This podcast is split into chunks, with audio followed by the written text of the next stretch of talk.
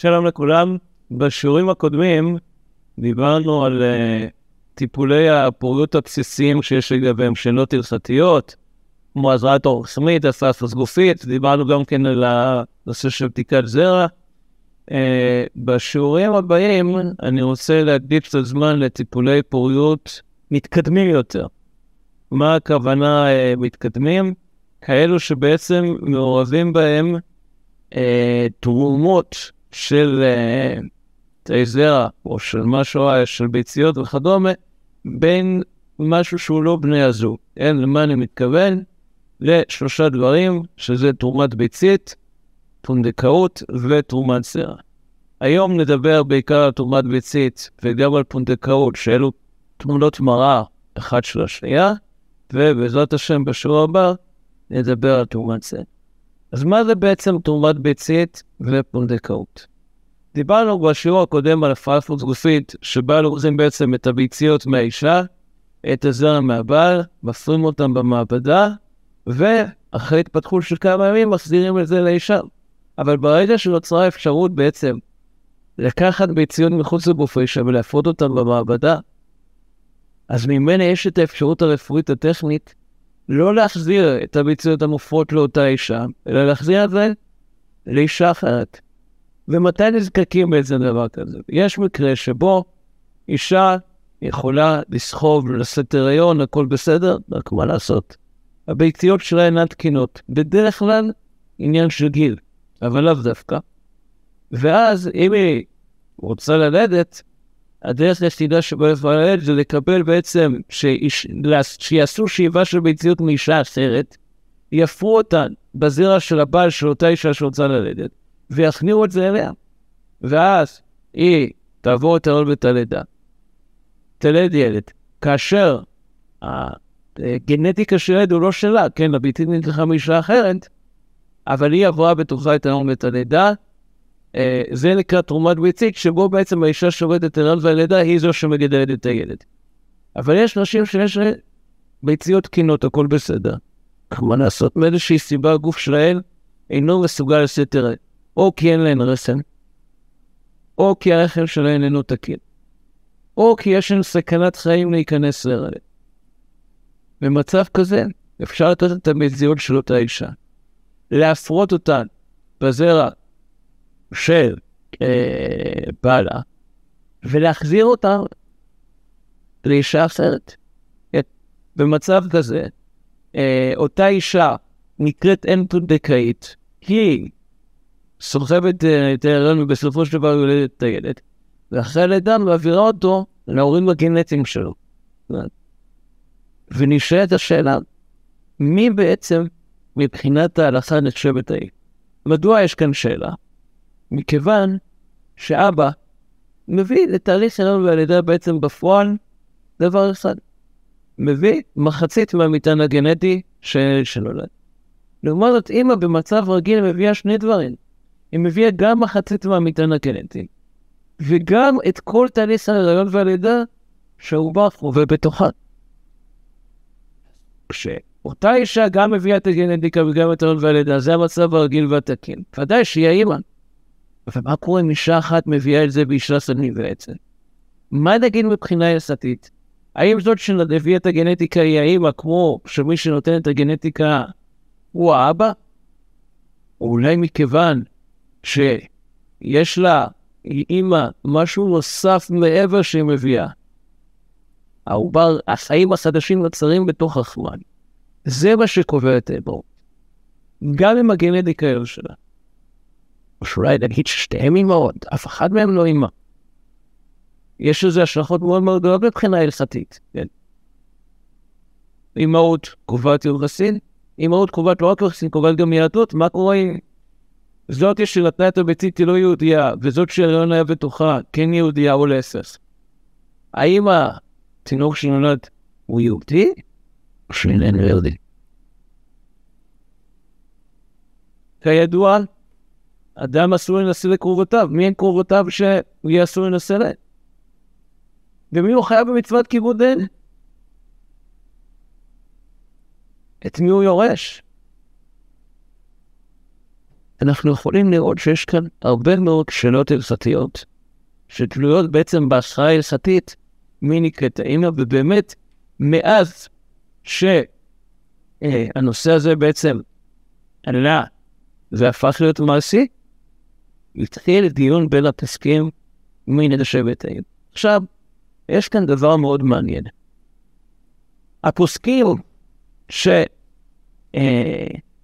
אה, בעצם בדעה שבעלת הביצית האמא, פחות היו עסוקים בלהביא ראיות לפשיטתם, אלא יותר נקטו בצד של הסברה שהיה ברור להם שהגנטיקה, שבעצם תכונות הוולד, בעיקר מהצד הגנטי, היא זאתי שקובעת את האימהות. עוד מעט קצת נחדד את העניין הזה.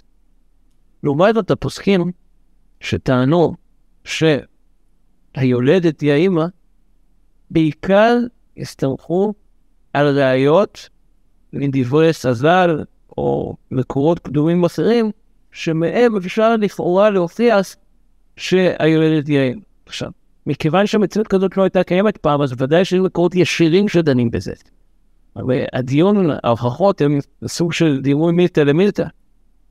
אז בעצם מה שמופיע בעיקר בספרות, זה, ספרות ההלכה, זה באמת ניסיונות של הסוברים שיולדת היא האימא להביא ראיות מתוך אה, חז"ל והפסקות לשיטתם, ודחיית הראיות האלה על ידי אלו שסוברים שבעלת הביתית היא האימא, שלא הביאו ראיות לשיטתם, או כמעט ולא הביאו ראיות לשיטתם, אלא בעיקר אמרו, זה הסברה האנושית הפשוטה שלנו. אם יספיק לנו הזמן היום, ננסה לראות שגם בשיטה שואלת האימא אפשר להביא סברה אנושית אה, פשוטה, ואם לא יספיק, נמשיך לדבר על זה בפעם הבאה. אז לכן, ננסה קודם להבין את הסברה של אלה שסוברים שבעלת הביצית היא האימא. מה בעצם עומד מאחורי השיטה הזאת? לאחר מכן, נביא את הראיות המרכזיות לשיטות של אלה שסוברים שבעלת הביצית היא האימא, ונדבר מה טענו, אה, סליחה, שהיולדת היא האימא, ונדבר מה טענו הסוגרים של בעלת הביצית היא האימא כנגד הראיות האלה. כן? אז בעצם, הסוברים העיקריים כאמור שבעלת הביצית היא האימא דיברו מסברה, אומר הראשון לציון, הרב משה אמר שונתה. הוא טוען בספרו על שם השבוע, שבעצם היה לו על זה שיחה מאוד ארוכה גם כן עם מורו ורבו, הגאון הרב עובדיה יוסף אה, זצ"ל, והצליח בדבריו לשכנע אותו בעניין. מי שיראה, הרב עובדיה לא כתב דברים ברורים בעניין, אבל יש כל מיני רמזים שהוא כתב, שאלה שאצל הרב עובדיה זה לא היה כל כך סתוך וחד כמו אצל הרב עובדיה. בכל אופן, מה אומר הרב אמר? הוא אומר, בואו נסתכל על התכונות של הילד, של מי התכונות של הילד? ודאי שבעלת הביצית. ממילא פשוט לא שבעלת הביצית אימא. הוא אומר, לא צריך לזה. ראיות, זה הסברה הכי גדולה שיכולה להיות. הרב אביגדור רבנסה, הרבה של העיר העתיקה בירושלים, מחדד את זה בצורה חריפה יותר. לא יצויר שניקח עובר של קוף ונכניס אותו לתוך רחם של אישה יהודייה וייוולד ילד. אם נעשה לו ברית מילה? האם לאותו קוף שייוולד, הרי ברור שייוולד קוף, נגיד, ישמח האב בפרי בטנו ותגל להם ביוצא חלציה. מה הוא בעצם רוצה להגיד? הוא אומר, בעצם, מזה שהתכונות נקבעות לפי הגנטיקה, ובעצם הרסם לא משנה את העילות. לא, רסם זה בעצם אינקופטור ושמרלן, כן? יש יהודי תלמיד חכם, גם פילנטרופ גדול, קוראים לו צבי רייזמן, זה היה בנוסע ג'נס, שהוא אוהב לעסוק בדברים האלה, והוא נסע ונתן עם הרבה מאוד מגדולי העולם בעניינים האלה, והוא אומר, הרי ודאי עוד כמה שנים ימציאו אינקובטור רחם מלאכותי. ואז מה נגיד כשימציאו רחם מלאכותי? שהאינקובטור הזה הוא האימא? אז באמת קשה לומר שרסם יכול לקבוע אימהות. מה אומרים בעצם החולקים? אומרים, א', אנחנו צריכים לדון במשא ומתן של ההלכה. לא בסברה. חוץ מזה שהסברה הזאת לא פשוטה כל כך. שמעתי מהרב משה דוד טנדלר זצ"ל, חתנו של עקבות מוישה, רבו בשפה ישתראה איזה צה"ל. שהוא גם לו וגם לסמים היה נראה שלא נושאים לפי בעלת הביצית, אלא לפי ההולדת. והוא אמר, זה שהם טוענים גנטיקה שהיא קובעת, זה לא בטוח, אנחנו יודעים היום יש מחקרים. שלחיים העוברים יש המון המון השפעה על החיים בבגרות. אז נכון, זה לא גנטיקה, זה לא מה שאפשר לראות כרומוזומים שזה שייך. אז מה? הרי הדם שלהם מתערבב במהלך ההיריון. האמא מזינה את הילד מתוך דמה? היום אנחנו יודעים, דרך אגב, לקבוע כל מיני אה, דברים של הילד, כדוגמת לגלות תסמונת דאון, בבדיקת דם של האמא, כי שאריות DNA מתוך העובר מסתובבים בתוך הדם של האמא. ולכן הוא אומר, אי אפשר להוכיח משם. מה נגיד? מה יקרה אם יש רחם מלאכותית? בסדר. יש גם אפשרות של שיבוט, שהיום היא לא מעשית, אבל הטכנולוגיה קיימת, שלקחת תא שאיננו תא רבייה, לא תא זרע, בעצם לקחת ביצית, להוציא ממנה את הגרעין שבה נמצא ה-DNA ולהכניס את התא הזה לתוך הביצית ומזה ליצור עובר שאחרי זה יתפתח לבן אדם. בני אדם עוד לא נולדו ככה, אבל כבשים ובעלי חיים אחרי כבר כן, מדינות העולם חוקקו חוקים נגד זה, כי זה היה נראה להם עם השלכות לא טובות. אבל הטכנולוגיה קיימת. ומה קורה במצב כזה שלקחנו מאישה תא והכנסנו לתוך ביצית? אין אבא. התשובה היא כן, אין אבא. יכולה להיות מציאות כזאת של ילד מבחינה הלסתית שאין לו אבא. יכולה להיות מציאות גם שאין לו מבחינה הלסתית אין לו אמא. ולכן אין מכאן. אז מה אומרים בעצם אלה שסוברים שבעלת הביצית, אה, שהיולדת היא האמא? ניתן ארבעה, ארבע הוכחות מרכזיות, נדבר על ההפרסה שלהן, מכיוון שהנושא ארוך ולא נספיק את הכל היום, אז נתחיל היום עם אחת ההוכחות המרכזיות, נדבר עליה, בעזרת השם בפעם הבאה נשלים את ההוכחות הבאות, הנוספות. יש, כידוע, מדרש של זזל, מופיע גם בגמרא מסרת ברכות, מופיע גם בירושלים וגם במדרש רבה, שכאשר אה, לאה נולדו לה שישה ילדים, היא הייתה בהיריון שביעי, כן? אומר הכתוב, אחר ילדה בת, ותקרא שמה דינה. מה זה אחר ילדה בת? אומר המדרש, בעצם לאה הייתה בהיריון עוד פעם עם בן. אבל כבר ליעקב נולדו שישה בנים מלאה, שני בנים מבלהה ושני בנים מזלפה, נולדו לו עשרה בנים. האמהות היו נביאות, ידעו שיהיה להם שני, אה, שיהיה ליעקב 12 שבטים שיצאו, נסעה לכאן וחומר בעצמה, אמרה אם עכשיו ייוולד לי בן לרסל, אחותי, יישאר רק בן אחד להוציא שלוש שבטים, שיהיה לו מהשבטים. אפילו לא כמו אחת מהשפחות, התפללה והפך העובר שבמאה לבת. בתרגום יונתן על התורה, המדרש מופיע בצורה קצת אחרת. בתרגום יונתן מופיע שלאה הייתה בהיריון ביחד עם רחל.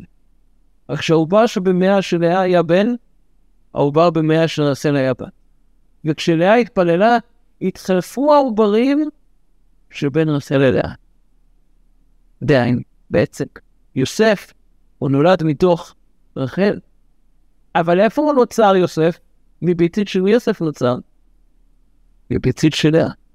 אז יוסף היה מביצית של לאה, נולד מהרחם של רחל, והוא נחשב, שאנחנו יודעים, בתור הבן של רחל. הנה הוכחה שהיולדת היא זו שקובע. מה אומרים החולקים? כן, לכאורה הוכחה טובה, ההוכחה הזאתי מופיעה גם אצל אליעזר, גם אצל הרב ישראלי, בחוות בנימין. אומרים החולקים, א', אין מביאים ראיה מדברי אגדה.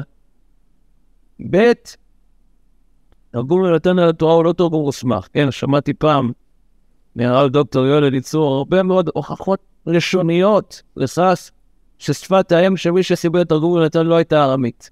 ושואל לו לפעמים גם טעויות בהבנת מדרשים של סזן. וכבר אחידה אומר שזה לא תרגום יונתן. ואי אפשר ללמוד ממנו. וחוץ מזה, שלכאורה, תלמוד הבבלי והירושלמי חולקים על המדרש כפי שהוא מופיע לתרגום יונתן. אבל האמת היא שהמהרש"א, הוא מקשר בין המדרשים, הוא אומר, זה גם כוונת הבבלי כמו שמופיע בתרגום יונתן. אבל גם אם לא נגיד ככה, נכון שלא לומדים מדברי הגדה. נכון שהבבלי חולק, אבל הבבלי לא חולק על העמדה מה קובע הביצית היולדת, רק על המציאות איך היה הסיפור. אותנו לא מעניין איך היה הסיפור, אותנו מעניין הנחת היסוד שאומרת, אם, אם אתה מספר סיפור כזה, זה אומר שהנחת היסוד המוזנק שלך זה שהרפורמה הקובע ולא בעלת הביצית. לא שמהסיפור אתה מוכיח את זה, אלא מהנחת היסוד אתה מוכיח את זה. טוב, תרגום נתן או לא תרגום מוסמך? התשובה היא, האמת היא, זה לא מופיע רק בתרגום נתן, זה מופיע גם בפיוט של רבי אליעזר הקליר לראש השנה, ופיוטי הקליר, כידוע, היו מאוד נחשבים אצל הראשונים, רש"י ותוספות מביאים מהם הרבה מאוד לימודים להלכה, וכשמשהו כותב סותר את ההלכה הידועה, הם מנסים לתרץ מה עושים. אז האם יש כאן הוכחה ברורה?